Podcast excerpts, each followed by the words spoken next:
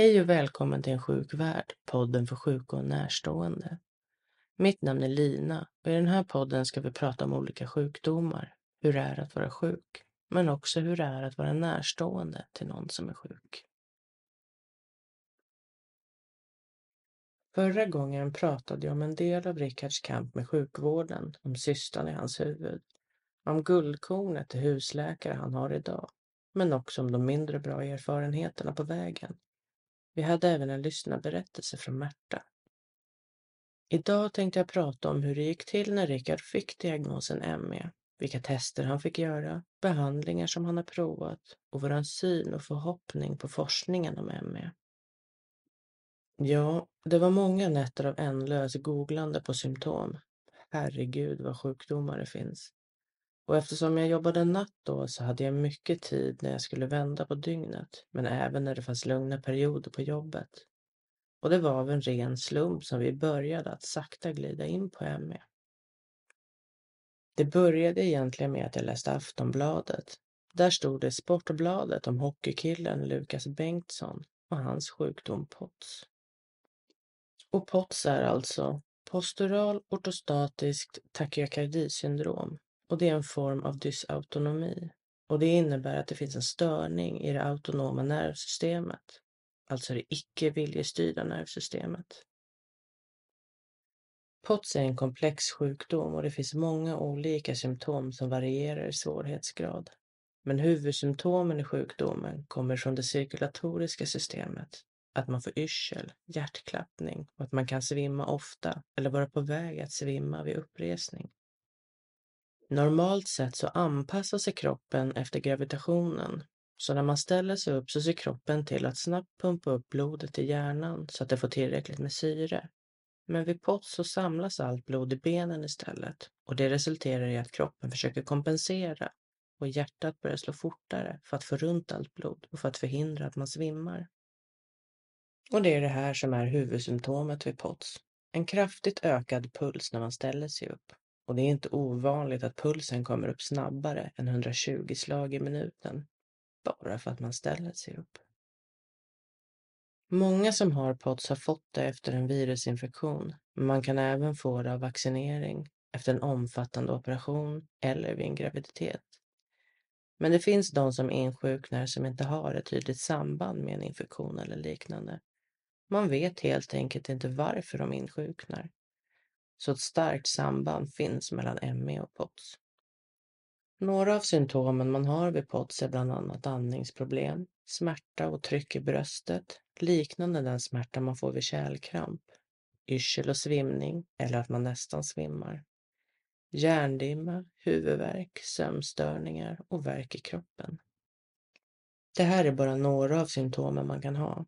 Diagnosen fastställs oftast med ett tilltest och vid ett sådant test så får man lägga sig på en tippbräda som man spänns fast vid. Och sen så lutas brädan i 60 till 70 grader i cirka 20 minuter. Eller så länge som symptomen tillåter. Under hela testet mäter man puls och blodtryck för att se förändringar när läget på brädan ändras. Så vad finns det för behandling när man har POTS? Det finns behandlingar med medicin, men också utan medicin. Ofta så behövs en kombination av båda. Och icke-medicinsk behandling kan vara bland annat stödstrumpor för att förhindra att blodet samlas i benen och ett ökat vätskeintag och ökat intag av salt för att förbättra blodvolymen och höja blodtrycket. Och medicinsk behandling kan vara bland annat med betablockerare av olika former för att få ner pulsen och medicin som minskar pulsen men lämnar blodtrycket opåverkat. POTS räknas idag som ett kroniskt tillstånd och även om vissa kan bli helt bra så måste många tyvärr lära sig att leva med sjukdomen. Så mycket av det jag läste om stämde klockrent in på Rickard och jag började läsa om allt som hade med POTS att göra och på så vis så började jag hitta lite om ME också. Och lika mycket där stämde in på Rickard. Och ju mer jag läste, desto mer förstod jag att det här skulle bli svårt. Varken ME eller POTS är sjukdomar som många läkare drar paralleller till eller ens tror på i Sverige. Det är väldigt stor skillnad på ME-vården här i Sverige och utomlands. Rickard pratar med andra ME-sjuka runt om i världen via ett forum han har hittat och har gjort det något år nu. Där delar de med sig av sina erfarenheter och berättar om hur sjukdomen är för dem och det är skillnad på behandlingar och bemötande. Många ME-sjuka i till exempel Kanada verkar ha mindre värk och högre livskvalitet trots att de är svårt sjuka. Medicinering och behandlingar skiljer sig åt. Rickard har pratat med en ME-sjuk i Kanada som har berättat att han har behandling med små doser Nordadrenalin för att bekämpa den extrema tröttheten som sjukdomen ger. Och den här mannen tycker att han får en bättre vardag av behandlingen. Det känns verkligen som om ME är mer accepterad som sjukdom utomlands än vad den är här, sorgligt nog. Men tack och lov hade Rickard en läkare på sin vårdcentral som var väldigt tillmötesgående. Vi förklarade och bad om remisser och han skickade dem. Det här var innan han fick sin husläkare som han har nu. Vi är väldigt tacksamma för att han lyssnade på Rickard och för att han förstod hur jobbigt det är, även om han själv inte kunde ställa en diagnos och därför inte kunde sätta in någon behandling heller. Så det började med en remiss till ett stort sjukhus i Stockholms län för tilltest. Men där förstod vi också att en utredning om POTS skulle stå still. De som utförde testet förstod inte varför han skulle göra det och tyckte att det var konstigt att ett tilltest skulle göras vid misstanke om POTS. Testet visade att pulsen ökade mycket vid uppresandet på tiltbrädan och Rickard blev yrslig. Men där stannade det. Det blev inget mer än ett konstaterande att ja, där ökade pulsen en hel del och han blev svimfärdig. Samtidigt som remissen till tilltestet skickades så gick det även en remiss till två kliniker som specialiserade sig på ME. En av dem hade tid och kunde ta emot Rickard.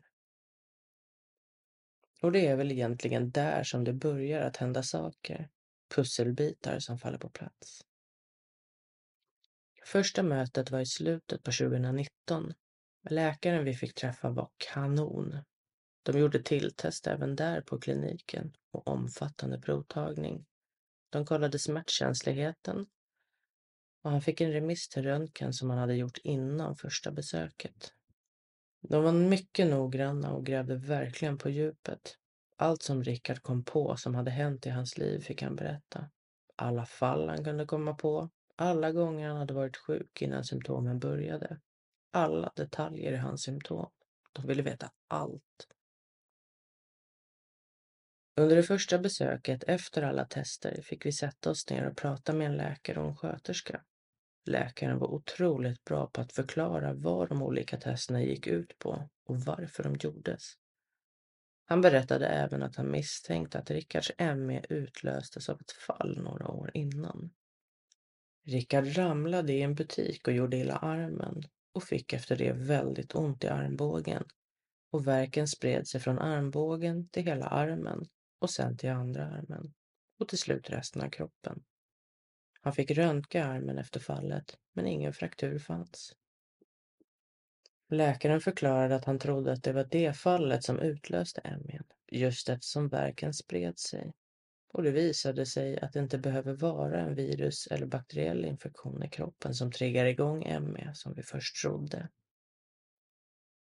Vi blev under det här besöket väldigt förvånade och chockade av vad läkaren frågade Rickard näst.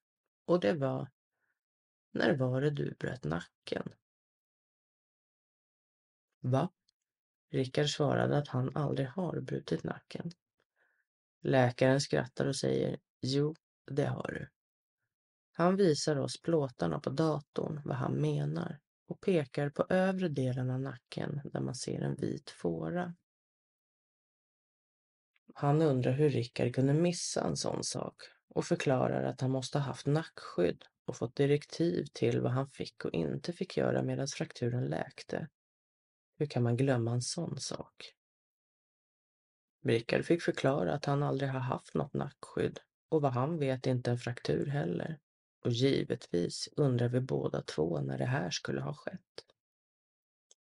Läkaren berättar att det är från en röntgen gjord 2013 när Rickard var inlagd på ett av Stockholms större sjukhus. Rickard kommer ihåg att han ramlade där. I förra avsnittet berättade jag när Rickard åkte in akut och blev inlagd för att sen bli hemskickad. Ett par dagar efter det åkte han in akut igen med samma problem. Näsblod och brustna blodkärl i ögonen. Han blev återigen inlagd. Efter dryga en vecka ramlade Rickard inne på toaletten på sitt rum på avdelningen. Han behövde ha en personal som stöttade honom när han skulle gå upp och gå eftersom han hade så ont och var stundvis inte kontaktbar. Men efter att ha väntat i två timmar på att få gå på toaletten så gick han själv. Han minns att han hade fruktansvärt ont och så blir allt bara svart. Rickard svimmar av och när han vaknar till så har han en massa personal runt omkring sig. Det visade sig att Rickard ramlade och slog i bakhuvudet i handfatet. Han blev skickad till röntgen då han hade svårt att röra på huvudet och armar. När röntgenresultatet kom tillbaka så talade jourhavande läkare om för Rickard att det inte var något fel på honom. Att det är normalt att ha svårt att röra sig eftersom han slog i bakhuvudet. Det tog lång tid innan Rickard kunde röra sig obehindrat igen. Det tog runt sju månader. Nu förstår han varför han hade så ont och varför han hade så svårt att röra sig. Läkaren på ME-kliniken talade om att det här inte var positivt för hans sjukdomsbild. Ett kroppsligt trauma. Och det är väldigt troligt att det är den här skadan som är anledningen till att Rickard ofta är väldigt stel och öm i nacken. Det var i början av 2020 som Rickard fick sin, eller ja, sina diagnoser. Och på den vägen är det. I och med att Rickard har blivit sämre så har det också blivit svårare att åka till kliniken på möten. Då har de gjort hembesök och haft videosamtal. Det har varit otroligt bra, för oavsett hur man vrider och vänder på det så händer saker och det man har planerat går i stöpet. Jag pratade om i förra avsnittet att planering är A och O med ME. Och det är det verkligen. Men ibland kommer livet emellan och saker blir inte riktigt som man har tänkt sig. Det har funnits tillfällen och kommer att finnas tillfällen då man måste åka iväg akut. Och då blir konsekvenserna ganska stora för någon med ME. Återhämtningen tar längre tid och har man otur så blir man sämre. Där har det varit en trygghet för Rickard att ha haft kontakt med en klinik som faktiskt förstår att en sen avbokning av ett personligt möte inte beror på lathet eller brist på engagemang. Det beror helt enkelt på sjukdomen. Och det har varit ett stressmoment mindre att veta att läkare och andra som är relevanta i behandlingen är tillgängliga i videosamtal och hembesök. Så, vad finns det för behandling för ME? Rickard har provat allt känns det som. Han har provat många olika mediciner och många med fruktansvärda biverkningar och ingen effekt på smärtan. Han har träffat fysioterapeut, arbetsterapeut och han har träffat rehabteam och fått olika hjälpmedel och han har provat KBT. Men det enda som har fastnat och blivit en del av hans vardag, det är pacing.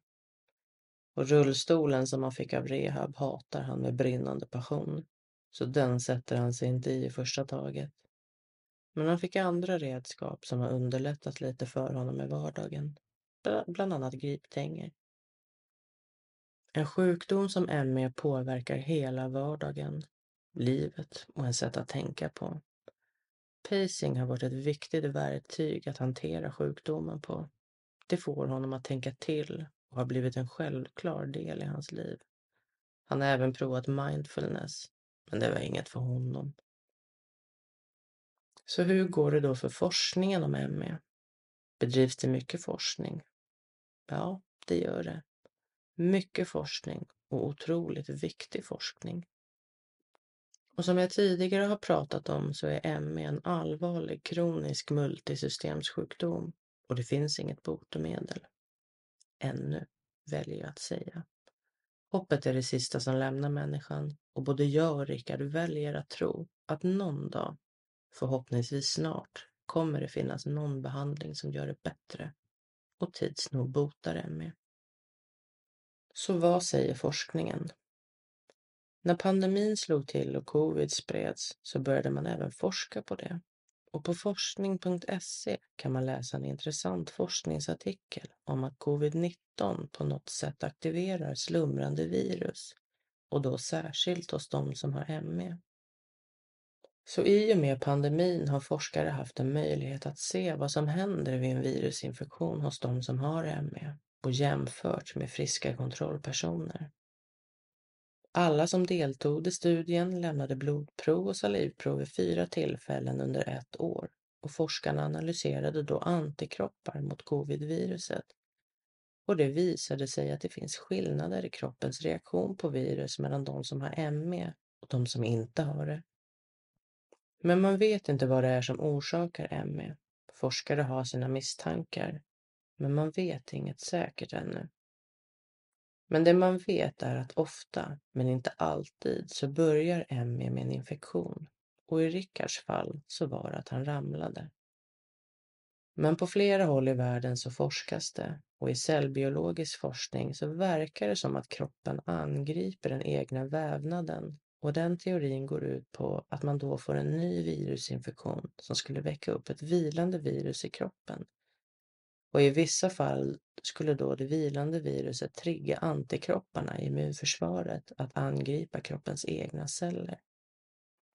Det forskas även på att hitta specifika biomarkörer som är inblandade i ME och att man då skulle kunna se om någon har ME eller inte med ett prov. Det forskas runt om i världen för att försöka hitta ett botemedel mot sjukdomen och forskare undersöker ett antal spår. Några av dem handlar om att testa behandlingar mot till exempel IBS och cancer. Om ni är intresserade av att läsa mer hittar ni information på hjärnfonden.se. Alltså kan man andas ut lite med tanke på att det bedrivs mycket forskning. Och det känns bra och hoppet om att det en dag ska finnas någonting som kan göra det bättre finns. Men ett brev på 1177 skakade nog många med diagnosen. Brevet berörde 2900 patienter med ME. Kliniken i Stockholm ska lägga ner sin ME-verksamhet. Det kommer inte längre att vara ett vårdval.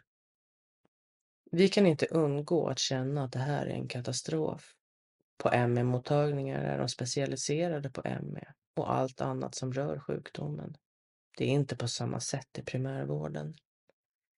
Nu ska vi självklart inte måla fan på väggen, men oron finns såklart för många som har fått det mesta av hjälpen från ME-mottagningen. Det blir en stor omställning för många och med den omställningen kommer stress och oro som inte är bra för en ME-sjuk. Allt vi kan göra är att hoppas att Stockholms läns landsting kan leverera det de har lovat. Den vård som ME-sjuka behöver. Men hur ser deras plan ut? Hur planerar de att göra? Region Stockholm skriver att det kommer att bli en del förändringar i vården för smärta, utmattning och ME. De skriver på hemsidan den 22 2 2023 att från och med 2025 kommer ME, långvarig smärta och utmattning i allt större utsträckning tas om hand i primärvården med stöd av specialiserade enheter. De verkar väldigt positiva att på det här sättet kunna sätta in hjälp och rehabilitering tidigare och att på så sätt kunna få tillbaka flera sjuka i arbete. Det här beslutet kommer även att innebära att sjuka får fler behandlingsalternativ och det låter ju toppen. Även om det kändes som en annalkande katastrof när brevet till 1177 kom så låter det ju verkligen toppen att målet är att ME-sjuka och de som lever med långvarig smärta ska få hjälp snabbare. Vi alla vet ju hur lång tid det kan ta innan man får hjälp när remisser ska skickas och bedömas. Trots allt så kanske det här blir till det bästa ändå. Jag för min del kan inte undgå att undra om Rickard hade fått hjälp tidigare, om någon läkare hade misstänkt ME tidigare och vi själva inte hade behövt att kämpa för alla remisser. Hade vårt liv sett lite annorlunda ut då? Hade Rickard mått bättre och inte varit så långt gången i sin sjukdom? Vi hoppas verkligen att på det här sättet så kommer allt fler fall att uppmärksammas tidigare och färre blir så sjuka. Vi håller tummarna och ser positivt på framtiden. Hur ser eran vardag ut? Oavsett vilken sjukdom du eller någon i din närhet har. Hur gör ni för att få det att fungera? Och hur var eran resa på väg mot en diagnos? Mejla gärna in och berätta så tar jag upp det här i podden på ensjukvärld.gmail.com. Nästa vecka tänkte jag prata om olika typer av smärta och hur det påverkar och kan förändra ens vardag. Jag kommer även att läsa upp en lyssnarberättelse från A. Tills nästa gång, ta hand om er.